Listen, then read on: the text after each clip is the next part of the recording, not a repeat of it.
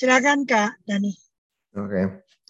Uh, Assalamualaikum, damai sejahtera untuk kita semua. Uh, selamat pagi, uh, sahabat seluruh keluarga.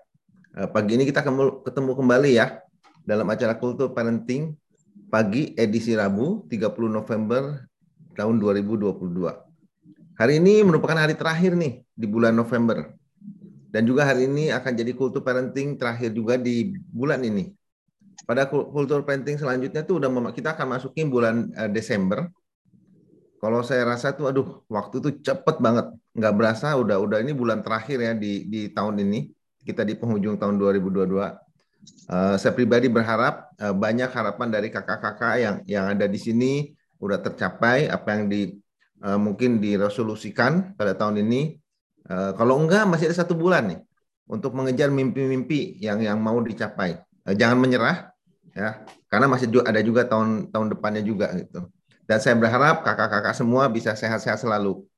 Uh, tema kita pagi ini adalah kredibilitas dan akuntabilitas sekolah rumah. Jadi ada beberapa hal yang yang nanti akan dibahas uh, seperti perlukah menjaga kredibilitas dan akuntabilitas sekolah rumah? Bila perlu, Bagaimana sih caranya? Ya, pagi ini pembicaranya adalah pembicara kondang yang telah menggeluti sekolah rumah puluhan tahun. Bukan hanya menerapkan sekolah rumah bagi put, eh, bagi putra-putranya, tapi juga mengerti payung hukum sekolah rumah itu sendiri. Eh, beliau juga sekjen dari Asapena. Eh, nggak bukan dan nggak lain adalah kita minta langsung aja Kak Lovely untuk memulai diskusi pagi ini. Terima kasih. Makasih Kak Dani, kondang. Maksudnya pembicara kondangan, jadi kondangan. ya, selamat pagi sahabat Suluh keluarga. Eh, selamat pagi dan berjumpa di sesi terakhir di bulan November untuk kultur parenting pagi. Uh, nanti saya juga akan cek tentu Desember karena biasanya Desember itu uh, uh, saya ya uh, uh, sudah sangat sibuk dengan urusan Natal di gereja, jadi saya akan coba sesuaikan uh, dan tahun depan akan uh, ada banyak perubahan tentang kultur parenting pagi yang pasti akan jauh lebih baik ya. Dan pagi ini uh, saya ingin memancing pemikiran teman-teman sekalian terkait kredibilitas dan akuntabilitas sekolah rumah. Ya, bagi yang belum tahu, sekolah rumah itu adalah uh, padanan kata dari homeschooling. Jadi di Indonesia homeschooling itu uh, diterjemahkan ya menjadi sekolah rumah. Nah, sekolah rumah itu apa gitu? Secara definisi di dalam Permendikbud 129 tahun 2014 ya, meskipun kemarin saya baru selesai uh, menyusun draft Permendikbud uh, untuk sekolah rumah, tapi karena belum ditandatangani berarti kita masih merujuk pada tata aturan yang berlaku atau yang nomor 129. Dan di 129 itu dikatakan bahwa sekolah rumah itu adalah uh, satu usaha uh, sadar dan kerencana ya sama seperti pasal 1 di Undang-Undang Sistem Pendidikan Nasional dalam melakukan proses pendidikan yang dilakukan oleh keluarga atau orang tua di rumah atau di lingkungan lainnya. Jadi titik beratnya itu adalah pelakunya adalah keluarga. Ini yang sebetulnya eh, sebetulnya ya tanpa perlu membuat Permendikbud yang eh, baru eh, ini sebetulnya sudah mengunci ya bahwa mereka yang disebut sekolah rumah adalah mereka yang melakukannya di dalam keluarga meskipun dimungkinkan untuk bermitra Nah, di dalam Permendikbud 129 itu kan dikatakan ada tiga bentuk sekolah rumah. Tunggal, majemuk, dan komunitas. Nah, di sini kerancuan terjadi, kericuhan terjadi gitu ya.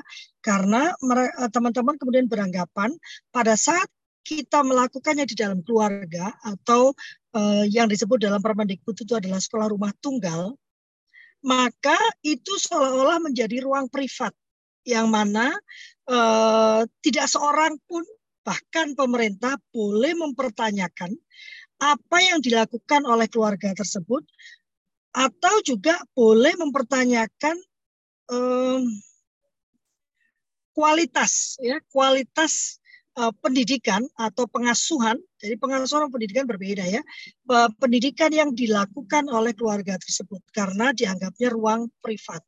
Nah menariknya pada saat kemudian anak-anak teman-teman ini memerlukan uh, pengakuan dari pemerintah, pengakuan dari pemerintah itu artinya ijazah, ya ijazah yang diterbitkan oleh pemerintah.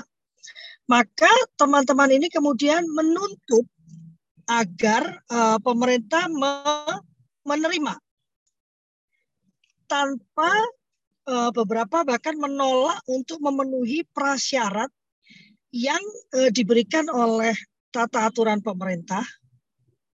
Di antaranya adalah rapot ya, uh, perencanaan pembelajaran, rapot gitu ya. Uh, uh, karena menganggap saya kan orang tuanya, saya pasti akan memberikan yang terbaik. Kamu pokoknya tahu beres saja, gitu ya.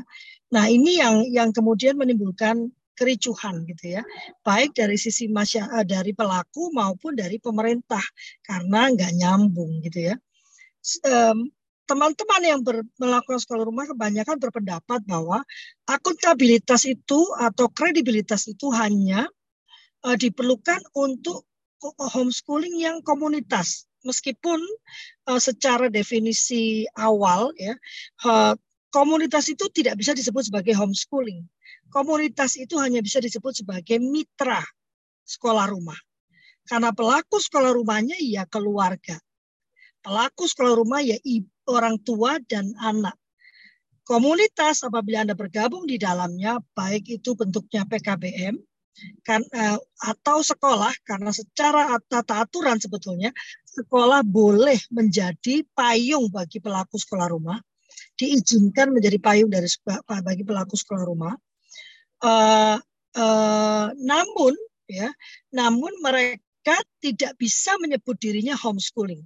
Jadi mohon maaf teman-teman yang membuka lembaga lalu menyebut dirinya homeschooling ya um, itu penyebutan yang kurang tepat. Karena seharusnya Anda menyebut diri sebagai mitra sekolah rumah atau mitra homeschooling.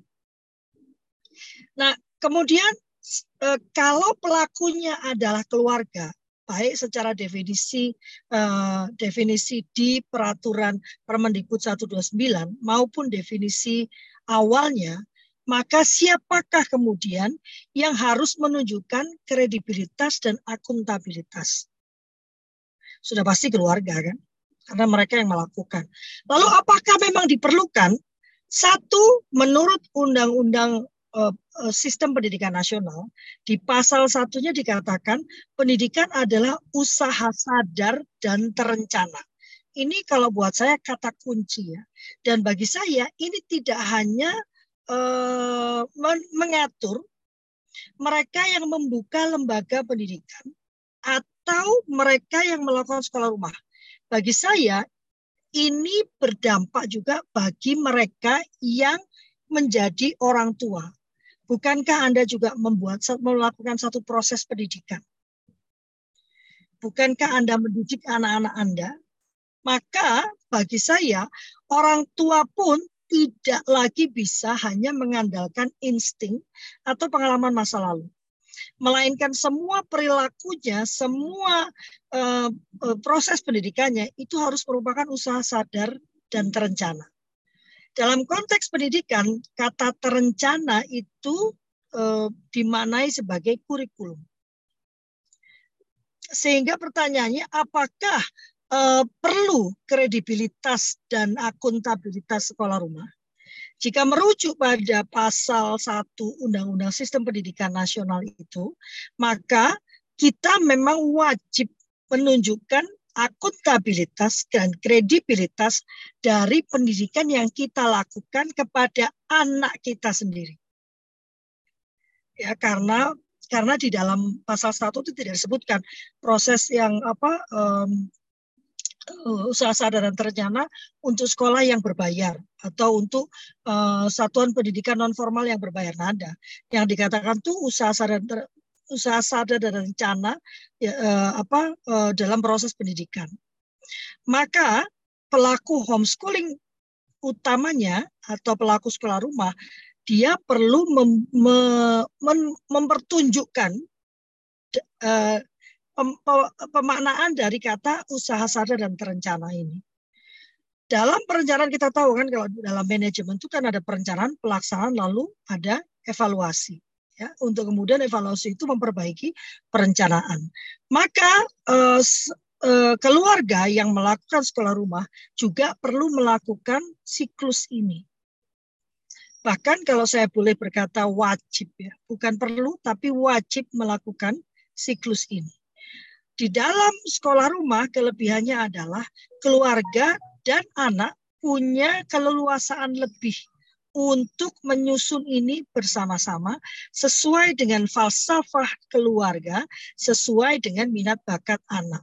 Sebenarnya kalau teman-teman cermat memandang, inilah yang kemudian diadopsi di dalam kurikulum merdeka. Maka eh, menyatakan punya eh, kredibilitas dan akuntabilitas tidak sama dengan menyatakan bahwa sekolah rumah itu harus sama. Saya tidak pernah berkata demikian ya. Saya berkata perlu punya kredibilitas dan akuntabilitas.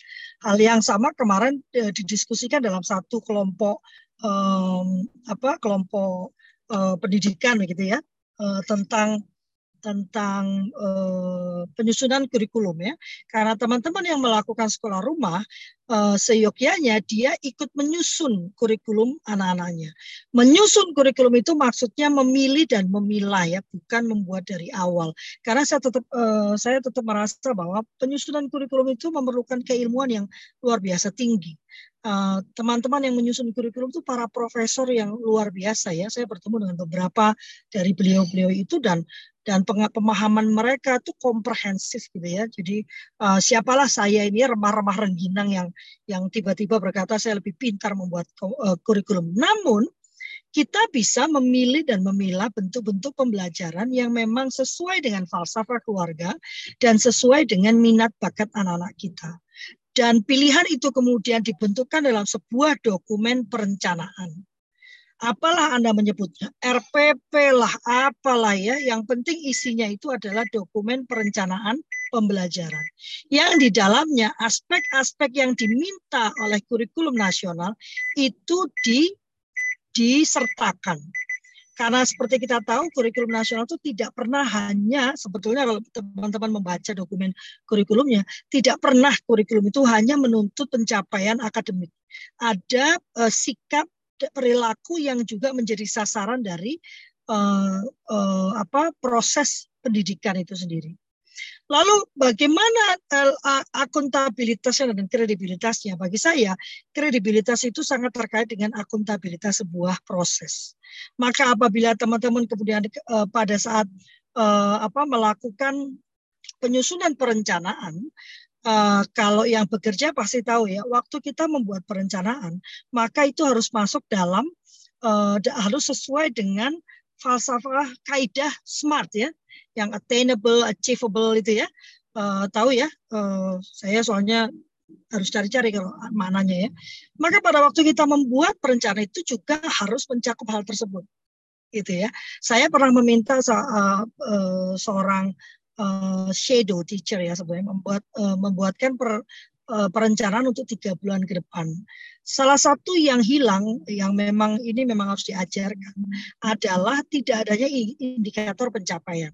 Melakukan sekolah rumah tidak berarti kita gelundung, tidak ada targetnya, tidak ada uh, apa, uh, tidak ada uh, indikatornya ya, melakukan sekolah rumah tetap karena judulnya tadi usaha sadar dan terencana, maka kita perlu menentukan indikator pencapaian bahwa anak-anak kita selesai melakukan siklus ini apabila 1, 2, 3, 4, 5. Kalau nggak tercapai Kak, ya di sinilah bedanya dengan formal karena kita punya fleksibilitas waktu.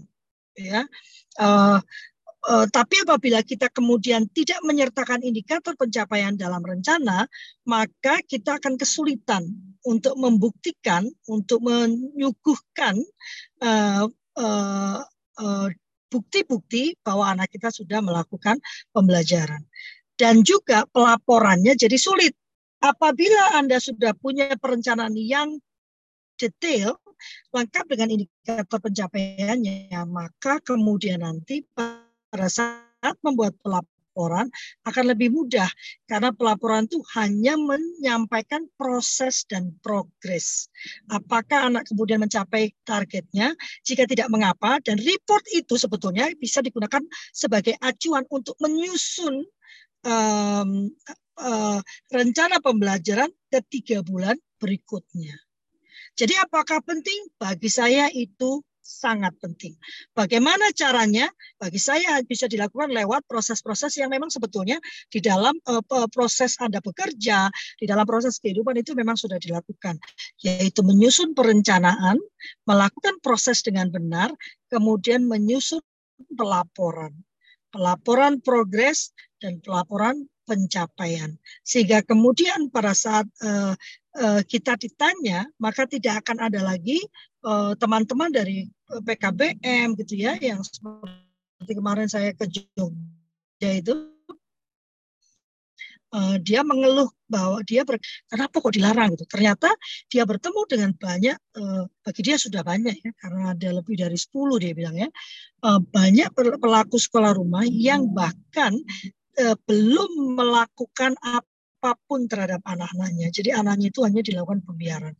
Nah, apakah pemerintah bisa memaksa kalau ini? Ya, yang perlu Anda pahami dari sisi pemerintah, anak-anak kita itu adalah aset negara. Jadi kalau saya ngomong sama negara itu saya katakan kalau Anda tidak mau melindungi anak-anak sekolah rumah ini, maka sebetulnya Anda sedang membuang aset-aset Anda. Dan anak-anak sekolah rumah ini anak-anak yang luar biasa. Karena dididik dengan kemerdekaan, mereka punya proses berpikir yang berbeda, kreatif, kritis gitu ya. Sehingga kalau Anda tidak mau mengklaim aset ini, maka aset ini akan diklaim oleh negara lain ya kan?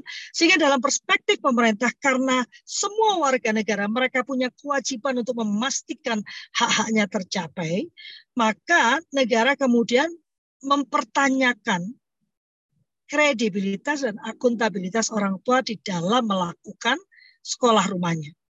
Wah, kalau free berarti jangan khawatir ya. Kemarin waktu penyusunan Permendikbud, uh, uh, saya juga berdebat keras dengan teman-teman, dengan para dokter dan profesor terkait batasan batasan permintaan tanggung jawab dari pemerintah. Oleh sebab itu jalan tengahnya adalah kita memahami bahwa kita tengah uh, menjadi pahlawan untuk orang anak-anak kita sendiri dengan cara mengambil alih ya eh, mengambil uh, hak prerogatif untuk mendidik anak-anak kita secara holistik. Maka dalam perspektif uh, pemerintah pemerintah perlu memastikan bahwa keluarga ini memang benar-benar melakukan pendidikannya mencapai target minimum yang ditetapkan oleh pemerintah ya dan kemudian melakukannya tanpa terjadi pelanggaran terhadap hak-hak anak. Jadi kalau pemerintah kemudian ingin membuat tata aturan, jangan curiga dulu karena perspektifnya adalah perspektif perlindungan.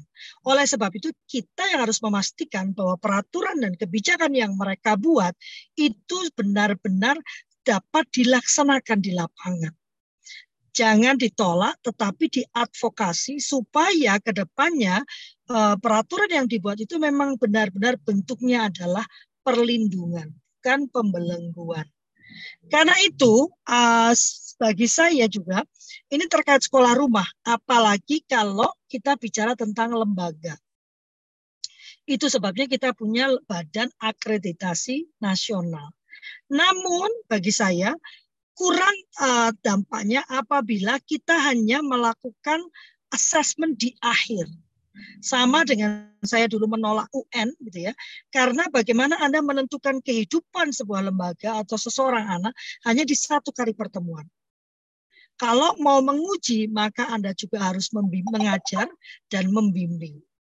Kalau enggak, ya jangan uji gitu kan. Nah, itu sebabnya Asapena kemudian masih alot ini tapi kalau alot buat saya itu modelnya kalau alot-alot ngajak kerjasama saya kerjain sendiri. Ya mungkin nanti Kak Dani kita punya kerjaan baru ya. Karena rindu saya adalah terbentuknya satu lembaga penjamin mutu yang dibentuk di bawah asosiasi sehingga asosiasi itu bisa melakukan pelatihan pembimbingan, pendampingan, dan terakhir assessment yang kemudian bisa dijaminkan kepada pihak ketiga atau pihak mana pun yang akan berhubungan dengan anak-anak kita bahwa anak-anak kita sudah mendapatkan proses pendidikan yang grade A, bahkan grade A plus ya, yang melakukan keluarga didampingi oleh mitra-mitranya. Bisa bentuknya lembaga, bisa berbentuknya individu. Mungkin gitu dulu Pak Kadani, nanti kita tanya jawab. Ya, uh, makasih Kak Lovely untuk uh, penjelasannya ya. Jadi uh, sangat jelas bahwa kredibilitas sama akuntabilitas dalam sekolah rumah itu sangat-sangat uh, diperlukan ya. Bahwa itu uh, menarik juga bahwa sekolah rumah itu adalah uh, satu hal uh, tindakan yang sadar dan terencana ya mesti ada uh, terencana dalam arti ada kurikulumnya di sana ya. Dan juga ada ada hasil ada pencapaian ya yang yang uh, harus dicapai. Jadi uh, kalau menurut saya betul sekolah rumah nggak nggak bisa di kayak di seolah-olah menjadi sekolah nomor dua gitu. Sana pada dasarnya sama aja. Bahkan mungkin bisa lebih baik karena lebih detail untuk kebutuhan uh, anak itu di dipenuhi ya Mungkin ada kakak-kakak yang di sini yang mungkin ada mau sharing ataupun mau bertanya, uh, silakan. Ya, uh, saya persilakan, silakan langsung open mic atau mau uh, tulis di kolom chat juga uh, monggo. Silakan. Ini banyak ada kakak Dara Satria, Pak eh, Kak Mutakin, Kak Vivi, ini banyak teman-teman baru ya. Uh, Kak Mina, Kak, Dara Satria, Kak Emma juga. Pak Selamat juga baru ya.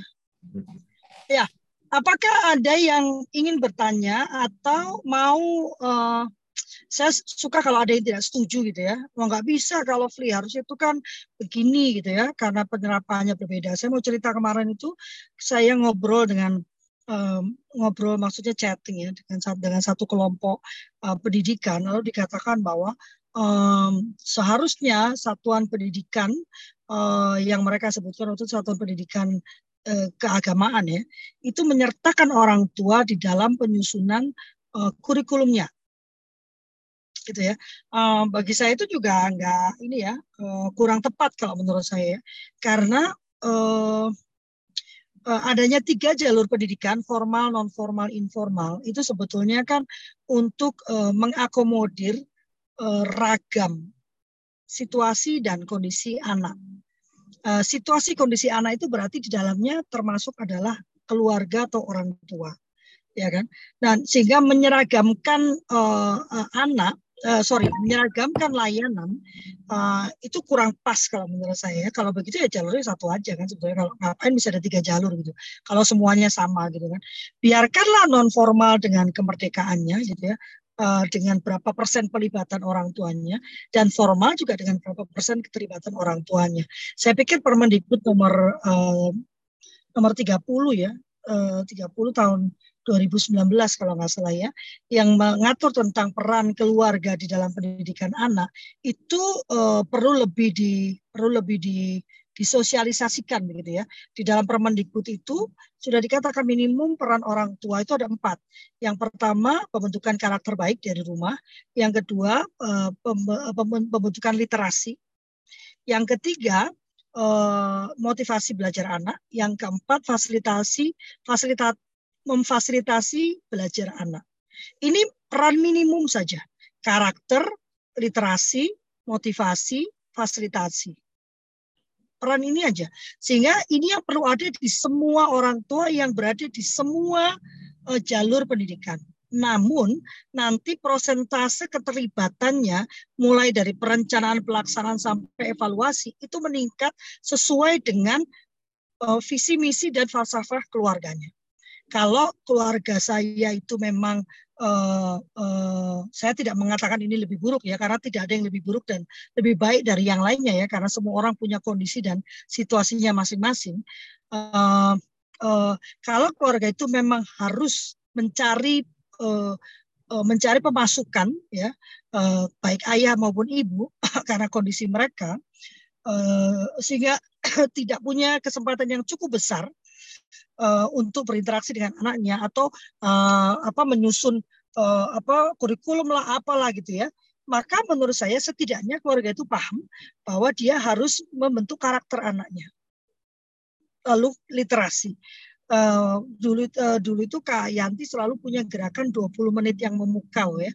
Selama 20 menit saja setiap hari, baik itu pagi atau sore hari, tergantung kapan keluarga itu punya waktu, tapi harus ajak. Kalau dari bagian pagi ya pagi saja gitu.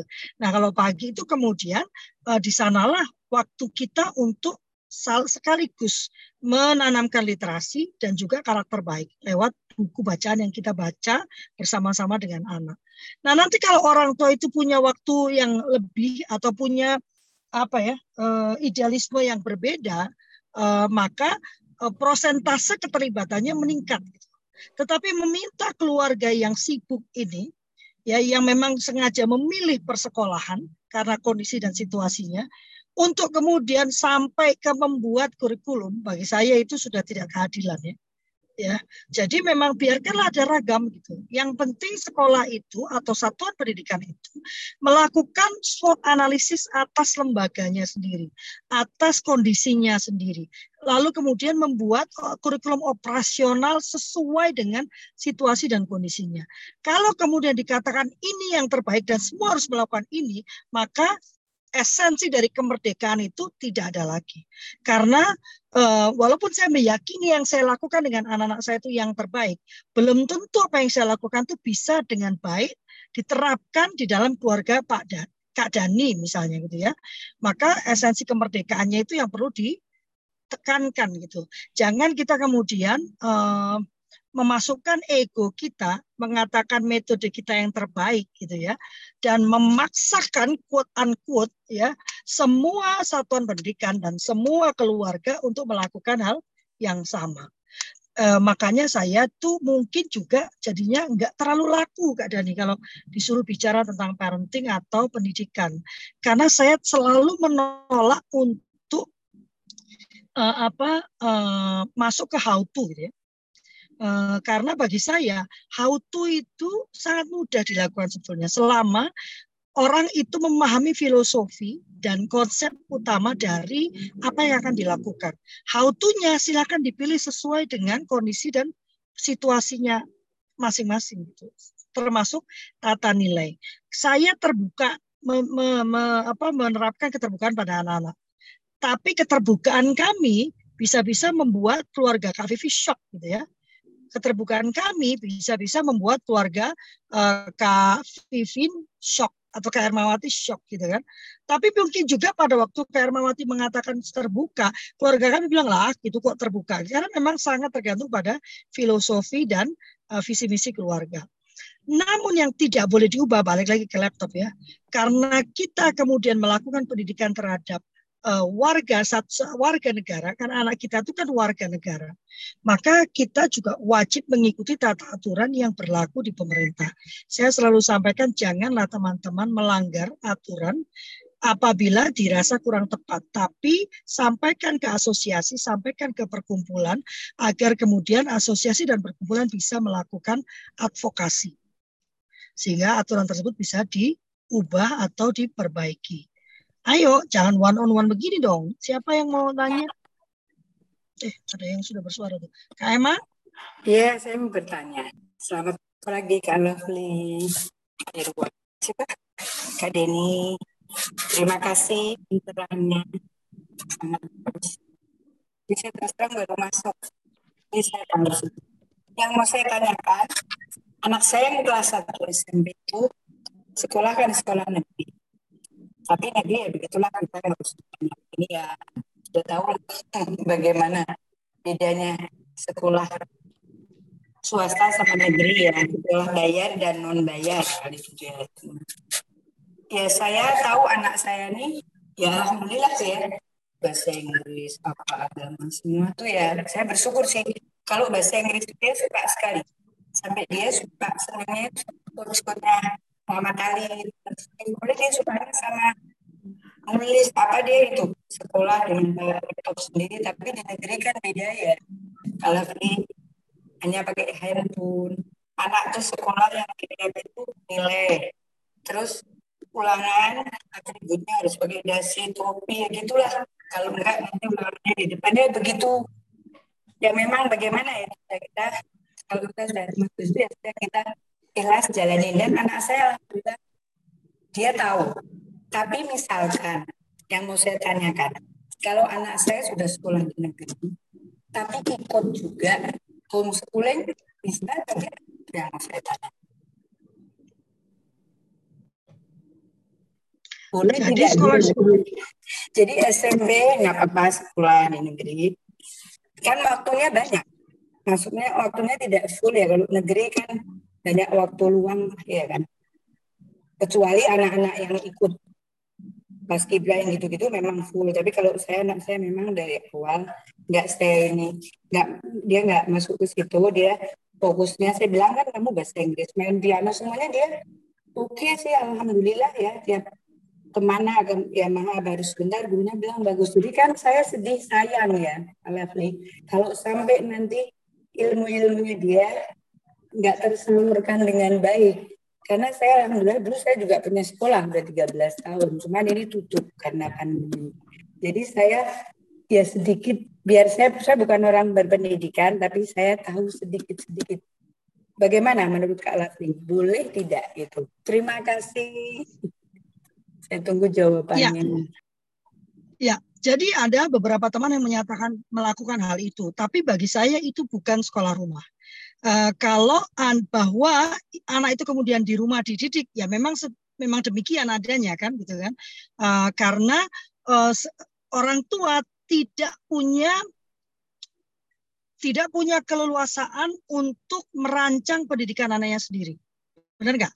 Kalau di sekolah ya, itu kan saya ikut sekolah rumah. Mama sekolah rumah Kak Lafri atau sekolah rumah. Bukan saya ini sendiri, saya ikut. Ya, ikut itu tadi maksud saya, Bu. Kalau okay. uh, yang ibu mau itu apanya? Karena nanti anak itu kan mengalami proses dua kali proses yang kira-kira sama, cuman caranya yang berbeda. Nah, bagi saya itu kan nanti menimbulkan kebingungan ya. Kalau memang anak nyaman ada di uh, sekolah persekolahan, biarkan dia ada di persekolahan. Kemudian nanti diperkuat di minat dan bakatnya. Puji Tuhan kalau uh, anak itu jam 12 siang sudah ada di rumah. Karena setahu saya di beberapa tempat itu anak sekolah negeri pun itu pulangnya sudah jam 2 siang. Karena ada proyek uh, proyek apa tuh proyek profil pelajar Pancasila. Ya. Nah, ini kalau udah jam 2 siang uh, lalu pulang dia masih harus les les nyanyi kayak les nari kayak lalu malamnya dia harus membuat PR yang mana PR-nya tuh nggak ada PR sih, adanya project katanya gitu kan, adanya tugas project, ya itu PR juga gitu ya. Maka uh, hak anak ini terlanggar. Tuh jam 3 sore sekolah negeri kan, uh, maka uh, terus mau homeschool lagi. Pertanyaan saya, yang mau dicapai dari homeschool itu apa gitu? Uh, uh, karena homeschool punya target yang kira-kira ya mirip-mirip ya gitu. Uh, uh, ada target akademik yang mau dicapai, cuman prosesnya berbeda. Nah kalau memang dianggap bahwa persekolah negeri itu uh, sekolah persekolahan ya, saya nggak mau nyebut salah. Persekolahan itu kurang bisa misalnya um, melatih uh, apa melatih um, proses berpikir kritis misalnya gitu ya. Nah maka Eh, satu ada beberapa pilihan bisa dicarikan sekolah yang memang uh, proses pembelajarannya itu melakukan proses belajar uh, berpikir kritis atau kemudian di rumah. Cuman yang saya kenapa saya tarik anak saya dari persekolahan karena saya nggak mau anak saya itu punya paradoks itu ya. Jadi saya nggak mau tiap hari itu cuman karena gini, yang satu mau narik ke sini, nanti rumahnya narik ke sini, dia nol terus gitu netral terus kan tarik sini tarik sini lagi. Netral lagi. Nggak maju-maju gitu kalau menurut saya. Itu sebabnya uh, saya menarik anak-anak saya dari persekolahan gitu ya. Dulu uh, saya sengaja cari sekolah yang paling cepat gitu. Kalau sekolah anak-anak saya itu paling lama empat jam di luar. Setelah itu ada dengan saya gitu. Karena ada beberapa uh, tata nilai yang benar-benar ingin saya tanamkan pada anak-anak saya. Dan pada akhirnya saya melihat anak-anak saya kebingungan gitu ya di tataran SD gitu ya. Dia selalu bertanya kok dia gini ya Maya. Bukankah dia kalau nggak harus begitu dia bisa begini dan itu bisa baik-baik saja gitu ya. Jadi antara tata nilai yang dia lihat di luar dan yang mau saya tanamkan tuh tabrak-tabrakan gitu. Setiap kali akhirnya eh, saya berpikir berarti saya sedang menciptakan generasi yang permisif gitu. Ya nggak apa-apalah, nggak apa-apa gitu ya. Permisif dan toleran itu dua hal yang berbeda ya eh, kalau permisif itu berarti memaafkan segalanya nggak apa-apalah nggak apa-apalah. Dan saya nggak ingin punya saya tidak ingin me, me, me, apa ya me, membawa anak-anak jadi seperti itu. Saya ingin anak-anak saya itu uh, bisa mengatakan salah pada salah benar pada saat benar tapi bagaimana menyampaikannya gitu kan. Tidak lalu oh nggak apa-apa nanti dia marah kasihan gitu. Nah karena makin banyak um, uh, ujaran-ujaran itu sudah lama nggak apa-apa nanti dia tersinggung uh, biarin lama enggak usah. Dan ini bicara tentang uh, keilmuan ya. Jadi anak saya itu pernah protes karena uh, ilmu ini sudah kuno sudah ada ilmu terbarunya tapi gurunya nggak mau di nggak apa nggak nggak baca lagi kalimat padahal sudah banyak itu referensi terkait itu gitu kan. Lalu saya tanya kenapa nggak disampaikan? Adalah mah Mama emang nggak tahu. Guru itu kan nggak boleh mah di debat nanti dia tersinggung. Repot nanti aku. Nah ini yang uh, ini kan red alert red alert buat saya gitu kan. Di rumah saya ajarkan untuk menyampaikan pendapat ya uh, yang uh, dengan cara yang santun gitu kan. Berpikir secara kritis dan analitis tapi nanti di ruang publiknya dia tidak bisa berlaku demikian. Sementara uh, saya percaya di di apa di pendidikan dasar tuh anak saya sedang membangun dasar-dasar berpikir ya dan dasar-dasar sikap untuk dia hidup di kemudian hari. Jadi uh, Kak Emma, uh, pertanyaan saya adalah uh, dicari dulu apa sih tujuannya, goalnya, kenapa kok tertarik dengan sekolah rumah. Dan nanti dilihat apakah ada sekolah formal yang memiliki uh, uh, proses dengan goal yang sama. Karena harusnya eh, jalur mana pun di Indonesia ini dia harus mencapai target-target pembelajaran yang sudah ditetapkan oleh pemerintah. Salah satunya adalah proses berpikir kritis dan karakter yang baik. Ada enam. Ini siapa yang suaranya ini? Kak Madi. Uh, tolong di mute ya. Begitu ya Kak Emma ya. Boleh hmm. tidak boleh eh, enggak nyambung jadinya karena gitu ya. Karena sekolah rumah itu adalah jalur pendidikan informal, eh, lalu eh, persekolahan itu jalur pendidikan formal gitu. Jadi ngapain anak kita sama-sama di dua jalur gitu kan dari pagi malam gitu. Capek banget kan gitu kan. Eh, lebih baik kalau kemudian memilih dan memilah uh, kalaupun uh, tetap mau di formal memilih dan memilah yang sesuai dengan falsafah keluarga dan tujuan pendidikan keluarga gitu kan. Bukan menambahkan gitu.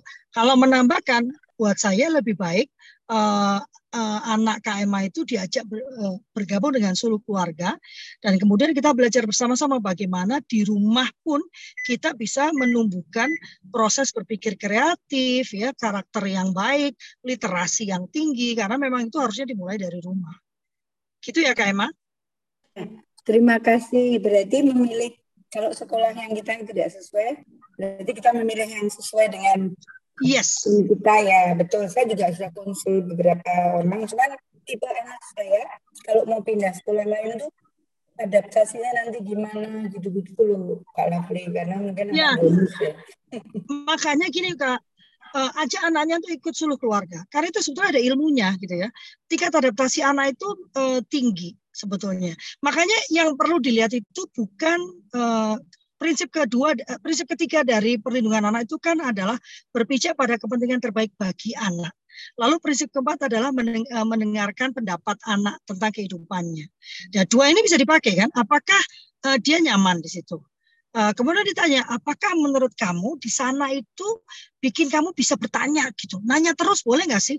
Terus kalau protes boleh nggak sih? Karena itu sebenarnya uh, uh, apa poin-poin untuk berpikir kritis analitis ya. Gitu. Kalau dia bilang, oh nggak bisa mak, waduh. Jadi menurut gimana? Kalau kita kalau kita mencoba pindah, aduh nggak mau, aku udah punya temen, ya nggak apa-apa. Berarti proses penguatan itu dilakukan dari rumah Jadi orang tuanya yang belajar dan itu sebenarnya gampang banget menurut saya ya.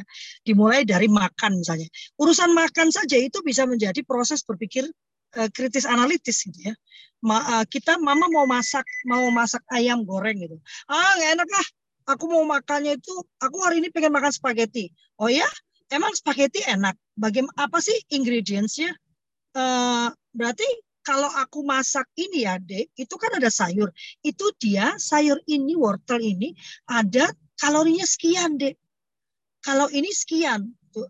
Kalau itu ya tapi kan ini mah ini nggak apa-apa lah karena dia mengharapkan nah, ini adalah proses berpikir ilmiah, ini adalah proses berpikir kritis analitis, ini adalah belajar mengungkapkan pendapat dengan menggunakan landasan-landasan keilmuan.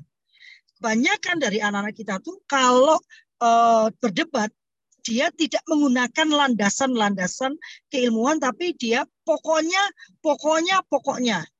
Nah, ini yang tidak yang kurang dalam tanda kutip diajarkan di persekolahan. Nah, tapi ya jangan jangan jangan jangan sedih, jangan bimbang gitu ya. Sebetulnya di keluarga sendiri bisa kita lakukan. Tapi saya itu kan kerja kak, kan ada WhatsApp, ada WhatsApp grup keluarga, WhatsApp grup keluarga itu jangannya dipakai untuk, jadi di mana? Udah makan belum? Itu udah bayar belum? Tolong ini dong atau laporan. Kamu di mana? Laporan posisi. Bukan itu. Gunakan itu untuk wadah komunikasi.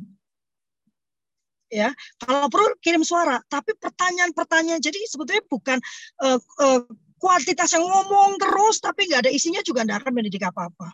Tapi ngomong sekali dan terencana, saya mau ngomong, saya itu mau ngomong ini untuk mengajarkan anak saya berpikir ini. Nah itu akan terjadi kita sekarang sangat sudah sangat ditunjang oleh teknologi. Jangan mau mundur ke belakang gitu. Gitu ya Kak Emma. Jadi jangan dipaksa pindah sekolah juga. Uh, si orang tua ini ayo kita aja untuk belajar bagaimana merangsang anaknya menjadi seperti apa yang dia inginkan gitu. Berpikir kritis analitis. Tapi kalau di dalam suluh keluarga itu ada profil anak dulu. Profil anak ke depan tuh mau seperti apa? Gitu. Jadi jangan sepotong-potong dua anak saya waktu usia 23 tahun itu seperti apa? Baru penyusunan pendidikan di belakangnya itu menyesuaikan dengan tujuan akhir kita. Kalau Seven Habit bilang, uh, begin with the goal in mind.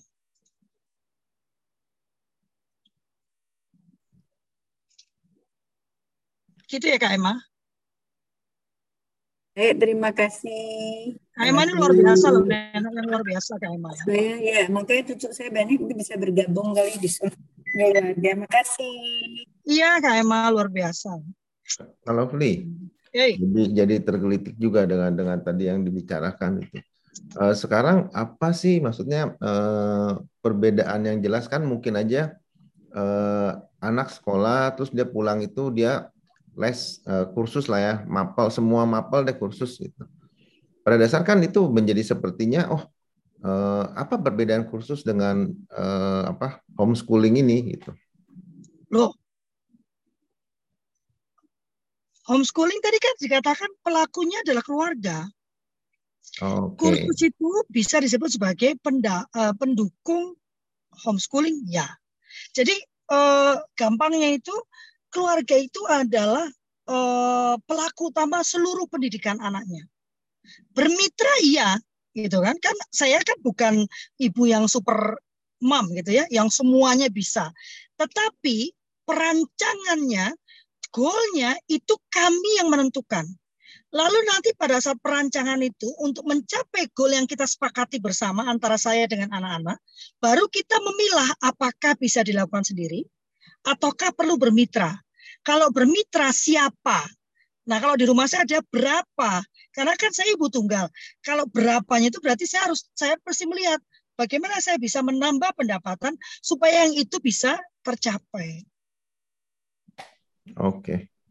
Ya, jadi uh, bukan uh, uh, ya jelas berbeda gitu. Kursus itu bukan homeschooling gitu. Tapi dia bisa menjadi mitra pendukung bagi keluarga. Jadi uh, fokusnya peran daripada keluarga itu sendiri ya, kalau Flia. Yes, pelakunya adalah keluarga.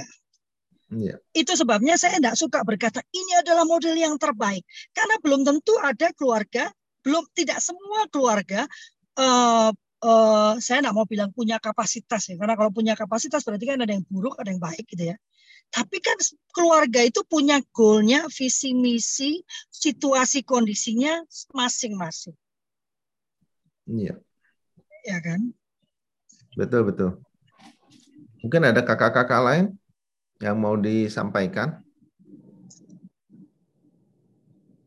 biasanya Kak Vivi nih suka berkomentar.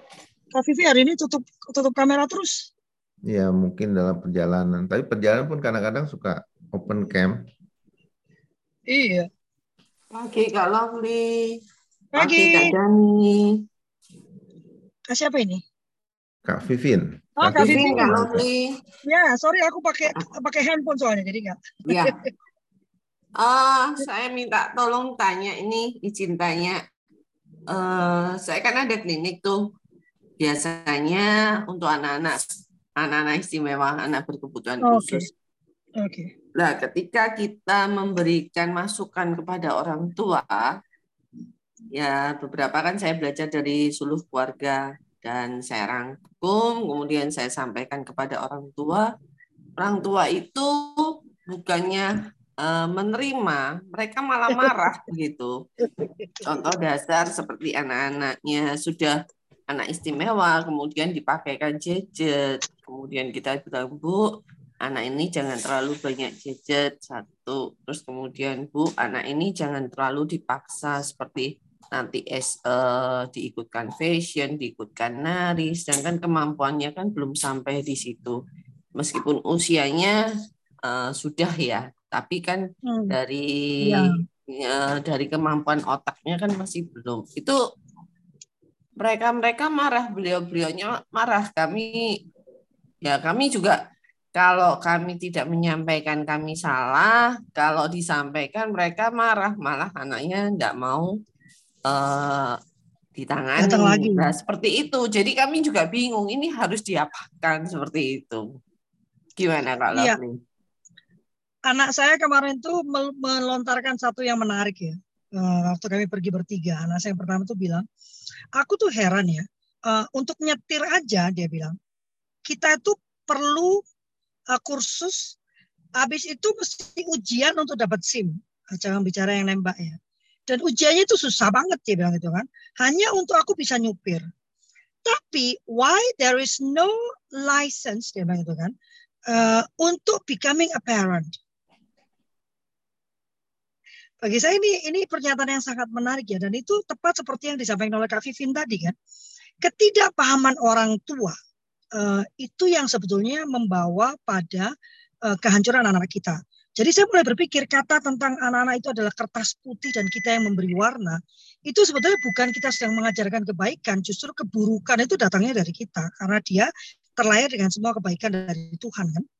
Iya. Eh, maka Kak Vivi yang bisa saya sarankan itu videonya tuh video seluruh keluarga itu dibagikan aja.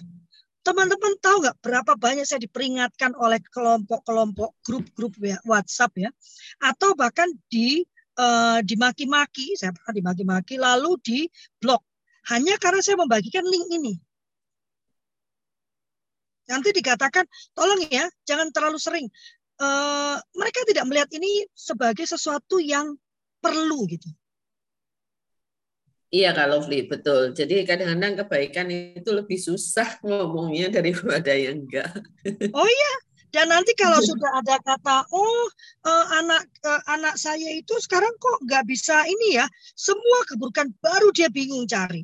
Padahal itu semua bisa dicegah, itu semua bisa di apa di eh, apa eh, dihindari kalau kita tahu bagaimana cara eh, melakukan pendidikan yang benar. Dan kalau kita tahu ilmunya sebetulnya enggak gitu-gitu amat kok gitu kan? Iya, betul. Maka eh, memang tidak ada jalan yang mudah, Kak Vivin. Saya sudah sejak 2007 ya, eh, tidak ada jalan yang mudah. Saya sangat kagum dengan kayak Kak Yanti, Teh Yanti gitu ya. Karena saya terus terang sempat berhenti karena saya harus fokus pada eh, apa eh, menjaga keluarga saya tetap uh, apa ya tetap afloat gitu ya. Belakangan ini baru anak-anak saya mengungkapkan betapa sebetulnya hidup kami zaman dulu itu sangat sengsara gitu. Saya agak kaget karena saya nggak nggak merasa sengsara-sengsara amat ya. Uh, uh, tapi memang dari awal sampai hari ini pergumulannya tetap sama bahwa parenting itu ilmu pengasuhan itu belum dianggap sebagai sesuatu yang penting maka Kak Vivi uh, teruslah berkata kebenarannya karena nanti dia pasti balik lagi ke Kak Vivi kan? Mereka kan gitu ah saya nggak mau lagi. Tapi nanti balik lagi kak tolong dong kak gitu ya. Uh, anak saya kok jadi gini ya? Kemarin dipegang kak Vivi tuh jadi gini kok sekarang kok gitu ya? Gitu kan? Ya uh, apa uh, memang terus akhirnya pusing kita kan? Tapi dengan begitu ya. itu bisa menjadi contoh-contoh kasus yang kita berikan kepada orang tua orang tua baru yang datang ke kita kak Vivi ya. jadi dokumentasi itu penting sekali gitu Ya, ini itu ya, mungkin menurut kita. saya ini hasilnya. Ini yang nggak nurut pergi terus balik lagi. Coba. Nah, ibu mau milih yang mana? Itu. Oh, iya. Berarti kita harus dokumentasi ya kalau Fli ya. Oh iya. Makanya ya. akuntabilitas, kredibilitas kan. Itu semuanya ya, kan bicara dokumentasi kan. Uh, ini kalau ini yang terjadi, jadi dulu saya uh, saya jadi pemimpin di lembaga uh, lembaga pendidikan untuk anak-anak berkebutuhan khusus juga ya, yang yang pak yang memang hanya bisa mampu latih ya. Uh, saya katakan pada semua guru saya waktu saya pegang TK juga sama. Jadi perilaku harian tuh didokumentasikan. Kapan marah, kapan ini gitu kan? Ya kan? Uh, nanti setelah itu kalau terjadi apa-apa itu bisa dijabarkan nih Bu ya. Kalau kamu ini kan saya minta begini, terus itu dilakukan nih. Nah kalau ini terus terjadi apa nih? Seninnya jadi seperti ini. Itu saya sampaikan tuh. Kalau Senin sampai Jumat uh, boleh banyak minum cok, makan coklat, nggak boleh terlalu manis ya. Ini ini hasil perilakunya. Begitu Senin karena Sabtu Minggu Ibu melakukan ini, ini perilakunya seperti ini. Jadi mau yang mana? Kita mau maju mundur, maju mundur, maju mundur, maju mundur, nggak nyampe nyampe, ya nggak apa-apa sih. Jadi ibu bayar terus ke saya gitu kan? Ataukah kita mau progres nih? Nah, tapi kan kelihatan kak, memang ada datanya gitu kan? Bukan apa kata kita gitu kan? Ya siap Kak Lovely. Kadang nah, contoh Pak. terkecil aja Kak Lovely ketika tantrum di klinik mereka buang barang kan. Nah hmm. ketika kita bilang ibunya biasanya kan kalau di rumah atau neneknya ngambilkan. Kemudian kita bilang jangan bu biarin anaknya ngambil sendiri. Itu marah nggak bisa mbak itu nanti kita malah dibuang-buang semua. Nah maksud kita itu kan kita mendidik supaya dia mau mengambil itu supaya tidak membuang lagi karena kalau dia buangnya jauh otomatis dia ngambilnya kan lebih jauh itu orang Capek. tuanya juga nggak setuju ya itu juga nggak setuju jadi kita ini juga bingung benar kata Kak Lofri saya sempat juga uh, tidak terjun di dunia anak-anak istimewa ini karena uh, susah gitu orang kerja sama dengan orang tuanya susah tapi setelah masuk lagi kas, uh, faktor ya kasihan itu juga ada gitu anak saya juga ya. bilang makasih yang dibantuin lama katanya gitu tapi ya, semakin jangan bilang kasihan faktor ya. rasa tanggung jawab kita gitu terhadap anak-anak ya. ini jadi semakin ke sini dengan uh, gadget yang makin gencar itu juga hmm. anak-anak ini juga makin susah dibandingkan tahun 2000 di bawah 2020 itu 2010 itu masih ya. masih mending gitu kak gitu itu makanya yang kemarin disampaikan Pak Kamir Zudi itu itu perlu disampaikan tuh. Uh, ya, uh, Kak Juni sudah selesai membuat uh, video singkatnya ya. Mungkin karena karena itu kan video singkat itu kan di TikTok bu. Nah, mungkin itu bisa dibagikan yang di TikTok itu karena lebih lebih cepat kan. Kalau ini kan satu jam ya, orang tua ya, kan ya. mungkin nggak sampai segitu uh, kekuatannya untuk berfokus ya. Tapi kan VT kader itu paling tiga menit, dua menit gitu ya, dan merangkum. Karena kemarin kan udah jelas dikatakan bahwa gadget itu benar-benar nggak boleh gitu kan. Gadget haram untuk anak-anak ABK. Iya, saya selalu mengatakan gadget itu haram gitu. Kemarin tanya, maksudnya apa kalau free? Ya haram, haram itu kan di dekat aja nggak boleh gitu kan bahkan nggak cuma anak BK untuk anak semua anak sampai umur 8 tahun. Kan kemarin uh, memang kan uh, PAUD itu kan uh, usia dini itu definisinya itu kan beragam ya. Tapi kalau di negara maju usia dini itu sampai 8 tahun. Makanya di negara-negara lain tuh sampai 8 tahun tuh anak masih kebanyakan bermain. Di Jepang kalau nggak salah ujian tuh baru dilakukan di kelas 4 sampai kelas 3 ya dia main-main aja gitu. Main-main itu maksudnya main-main yang terstruktur ya. Ada Karena dia pertanyaan? masih Iya, Iya, eh, ini saya mau. Iya. Ya, saya mau nyambung dengan Kak, Kak Pak Slamet ya, sebetulnya itu sama gitu ya. Bagaimana uh, uh, membuat orang tua itu memahami pencapaiannya itu kan. Bagi saya ya terka, terkait dengan um, uh, apa uh, uh, dokumentasi itu. Jadi apa pun yang dikerjakan anak ini berarti konteksnya di sekolah kan. Itu didokumentasikan, ini yang dilakukan, ini capaiannya gitu kan. Nah, nanti diskusinya bukan bukan uh, bukan menyalahkan blaming ya. Diskusinya adalah apa solusi apa yang bisa kita lakukan karena pasti akan ada masa anak itu tinggi pencapaiannya ada yang rendah gitu kan Arya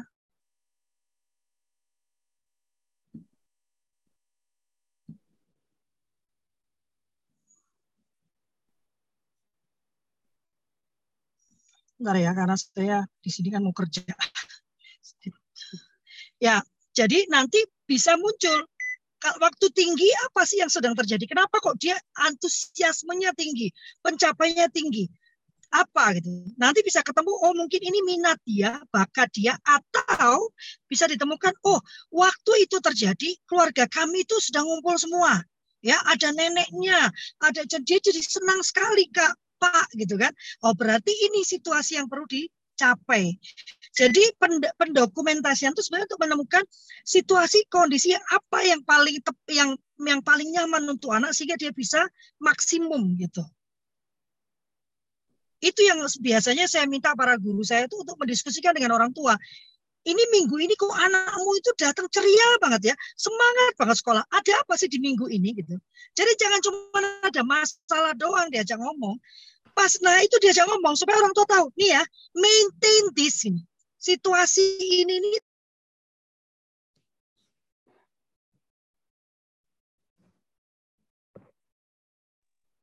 pada saat itulah gitu.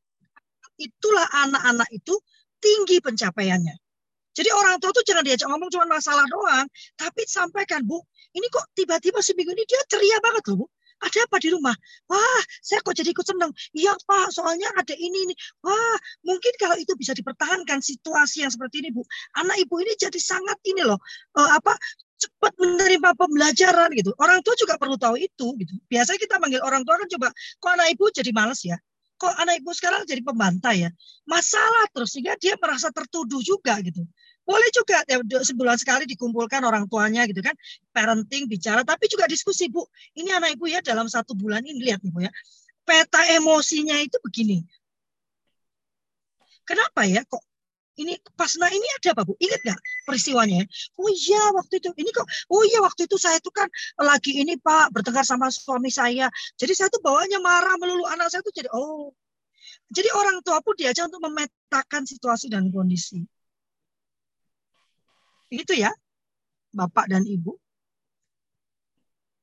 Memang tidak ada cara mudah, tidak ada cara instan kalau bagi saya. Kalau ngurusin anak itu memang ribet ya. Betul. Jam 8 lebih dari Kak Dani. Oke, uh, Kak Deli bisa, ya kita berfoto dulu ya. Bisa Bu open cam, nanti Kak Deli akan foto sambil kita mendengarkan closing statement dari pembicara kondang kita.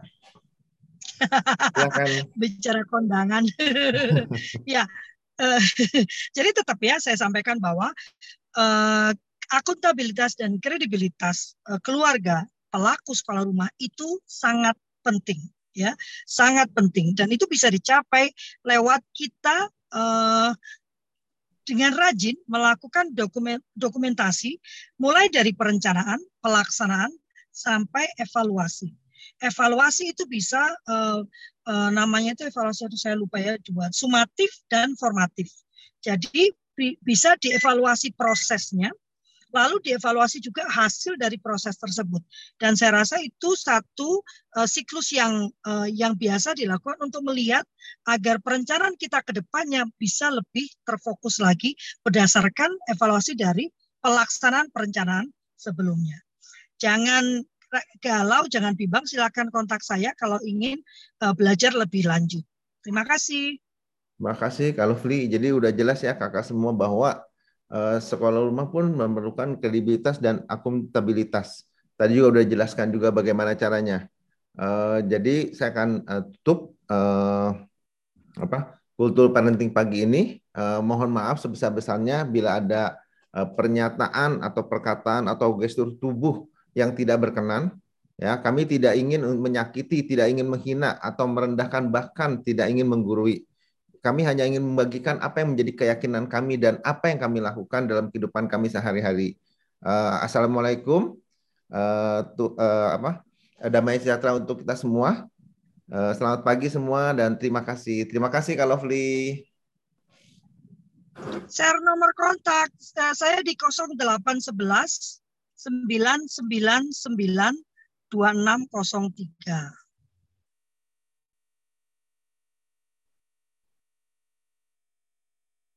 Eh, 2608 kok 2608. Benar ya, Dek? 0811 999 2608. Mana ada 03 nomornya teman siapa itu nanti. Terima kasih Kak Bibi. Saya pamit ya. Mulai panas di dalam kasih semua.